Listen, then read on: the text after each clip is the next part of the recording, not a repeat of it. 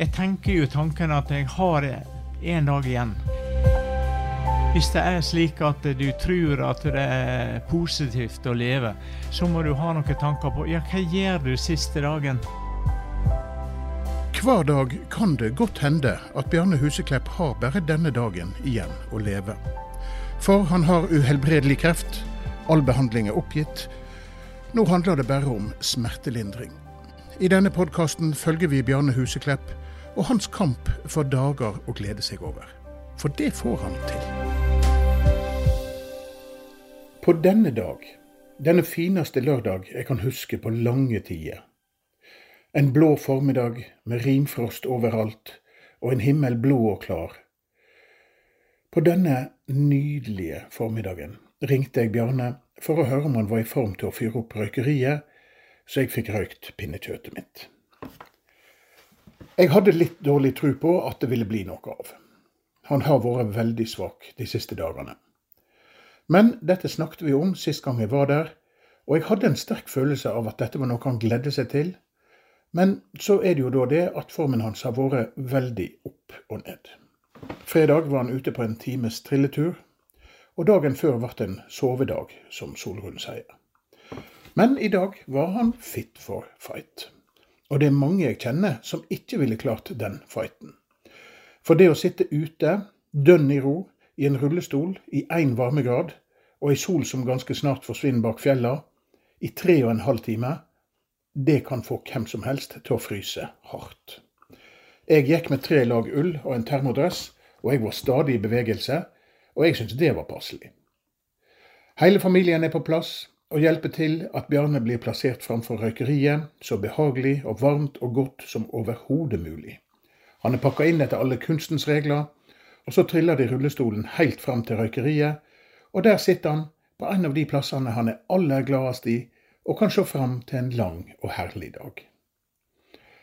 Og så fyrer vi så fanden sjøl ville nikke anerkjennende, og så dynger vi på med finklipt einerbar, så røyken velter hvit og tjukk, og så koser vi oss ved synet, når jordkjelleren er så stinn av røyk at det bokstavelig talt tyter ut av bakken rundt oss.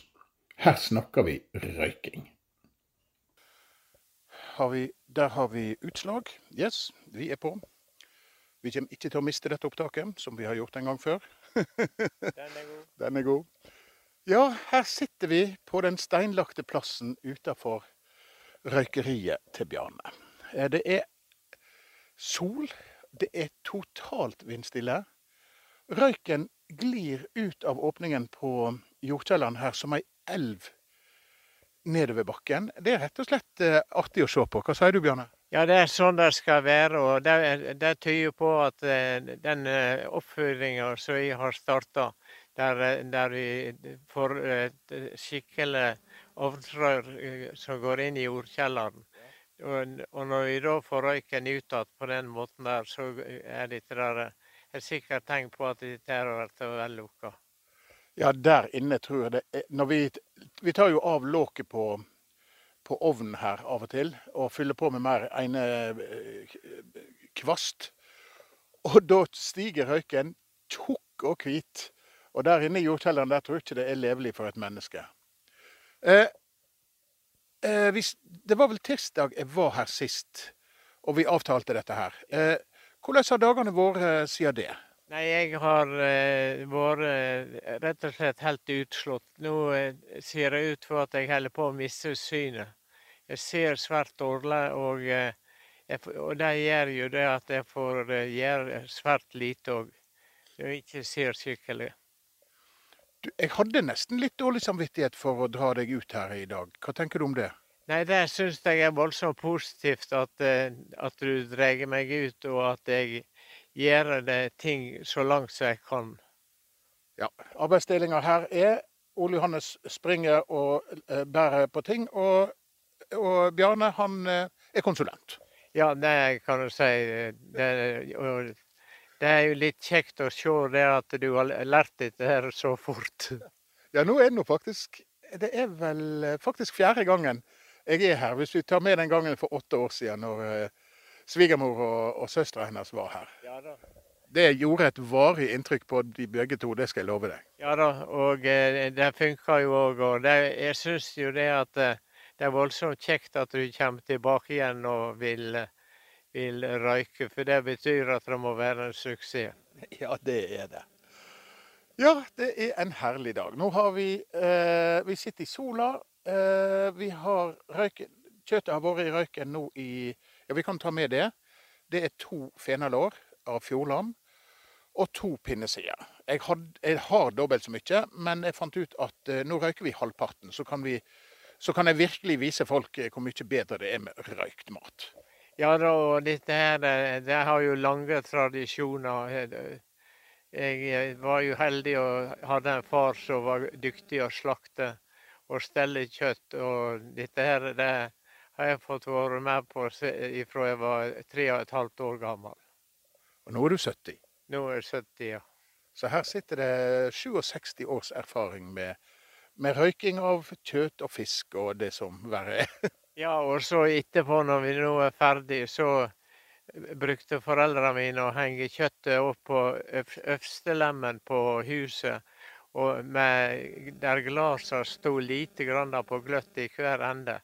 Og det gjorde det at vi fikk eh, systematisk eh, eh, vind. Ja, At det var litt trekk igjennom? Ja, litt trekk igjennom. Og det gjorde det at det tørka og ble utrolig godt spekekjøtt. Ja, jeg fikk jo med meg noen røykte, salta og kokte lammetunge sist jeg var her, på tirsdag. Og jeg kan si at eh, jeg kom hjem, og så tenkte jeg må smake. så jeg tok fram to stykker og, og lot de tine.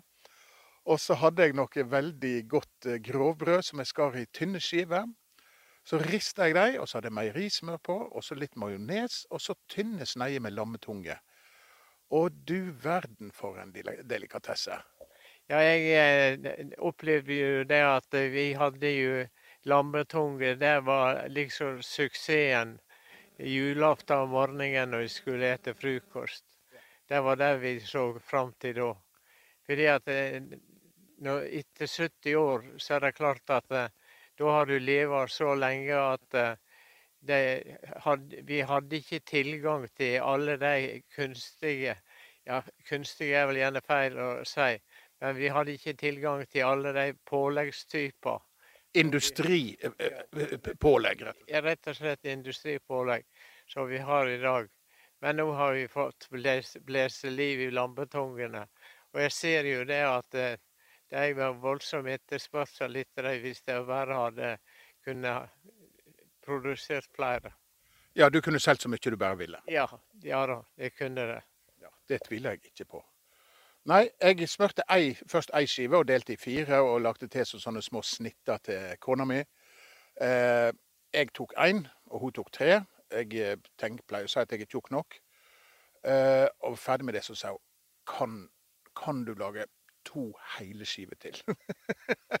så ja. det ble en kosekveld. Ja, det skjønner jeg godt. Og jeg, jeg tror det er fullt og helt. Ja. Nå skal vi sitte her og kose oss i sola i to timer til. Det skal bli herlig. Så får vi se hva tida vil bringe. Er det noen planer på gang eh, framover som du vet om? Nei, jeg har ikke det. Jeg, eh, jeg vet at jeg har masse med folk som har lyst til å besøke meg. Sånn at eh, i morgen så får jeg besøk av søskenbarn. Så, slik at eh, det blir mye, mye inneliv med der folk kommer og har lyst til å preike med meg. Det er nok kjekt, det, da. Det er utrolig kjekt. Det er det. Ja, folk ringer til meg og spør om, om, om, om de kan reise på besøk og sånn. Og da sier jeg ring til kona hans og hør hvordan formen er. Ja, og det, det er voldsomt bra at de gjør det, sånn at jeg, jeg veit på en måte hva jeg skal fylle dagene med. Ja, og det er ikke alle dager du orker å besøke, er det det? Nei, det, det, er ikke det. Sånn at jeg har sagt at uh, min, minimum to dager i, imellom. Ja, ja vel, såpass, ja. ja. Så det, det er én sovedag og én våkendag nå? Ja. ja. Spesielt dette med synet, det at jeg holder på å misse det. Det gjør at det, det er fryktelig vanskelig til å bli oppfattet som noenlunde oppegående når eh, de er for, for besøk, fordi at jeg ikke ser skikkelig. Ja. Nei, det er Ja. Vi får kose oss i dag iallfall. Vi skal gjøre det og få orden på røyken. Det skal vi.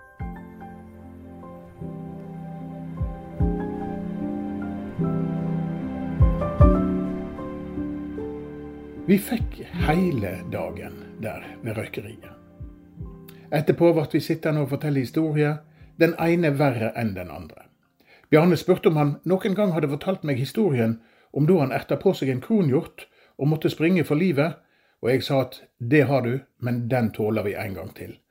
Og Bjarne forteller så du ser han for deg, der han spurter gjennom bjørkekatta og ut i ei djup elv og videre haugestups inn i et granfelt før han tør stoppe. Jeg forteller om en gang jeg gikk gjennom isen, og Bjarne om den gangen han så 200 ryper på en gang, om jaktturer på taket, et legendarisk rypefjell der Bjarne er grunneier. Til slutt blir vi bare sittende og se på skyene, som ligger som små hvite slør høgt, høgt der oppe i solskinnet, og Bjarne legger merke til at de ser ut som flyvenger. Når du sitter og ser rare formasjoner i skyene, da har du ro og fred. Hvert kvarter spør jeg Bjarne om han frys, men det gjør han ikke, sier han. Og hvert kvarter sier Bjarne til meg at nå må jeg legge i ovnen og fylle på med mer einerbar. Og en time før vi er ferdige, kommer unggutten på nabogården tassende ned fra skogen i full kamuflasjedrakt og rifle med kikkertsikte og lyddemper, heim fra hjortejakt. Bjarne får vite akkurat hvor han har vært, og hvordan gresset var, og at det var mye tørrkvist, så det var vanskelig å gå stille i skogen. Alle sånne ting som hjortejegere er veldig opptatt av. Til slutt begynner det å mørkne, tida er ute, kjøttet er røykt.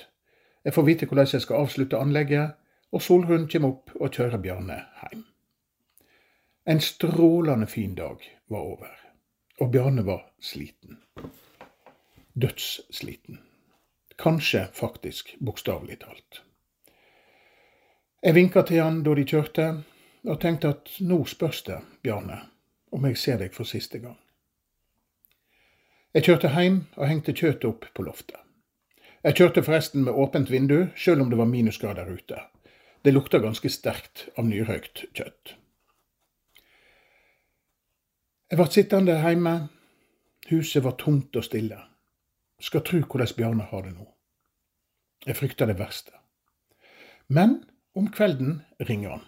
Det vil si, jeg ser at han har ringt meg, så jeg ringer tilbake. Jeg hører at han sitter sammen med hele familien, og at de nettopp har ledd godt av et eller annet. Han er på høgtaler, det hører jeg. Ja, lukter det røyk av kjøttet ditt, lurer han på. Om det lukter røyk av kjøttet mitt? Det fyller jo hele huset her, sier jeg. Og det gjør det faktisk. Jaså, så du mener det ble en suksess dette her? spør Bjarne. Røykt er det i alle fall, det er nå bra sikkert, sa jeg. Men, Bjarne, det må nå ha lukta bra i huset ditt òg når du har røykt laks. Og her må det jo bare skytes inn at vi snakker om en mann som røyker 400 laksesider i slengen, og henger de opp i kjelleren til tørke etterpå. Nei, det var de ikke plaga med, for kjelleren er jo som en bunkers, sa Bjarne. Men da greier ikke familien å holde seg.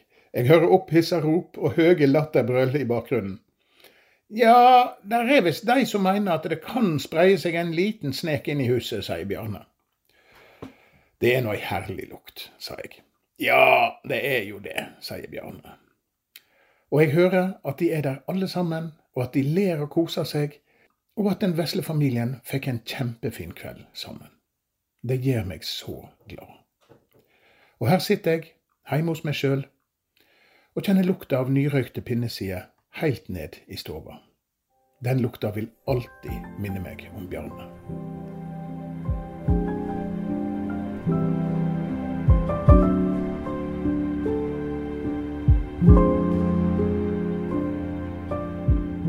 Du har nå hørt 19. episode av podkasten 'Bjarne så lenge jeg kan snakke'.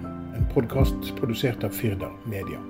Mitt navn er Ole Johannes Øvertveit. Og denne podkasten kommer vi til å fortsette å lage så lenge vi kan.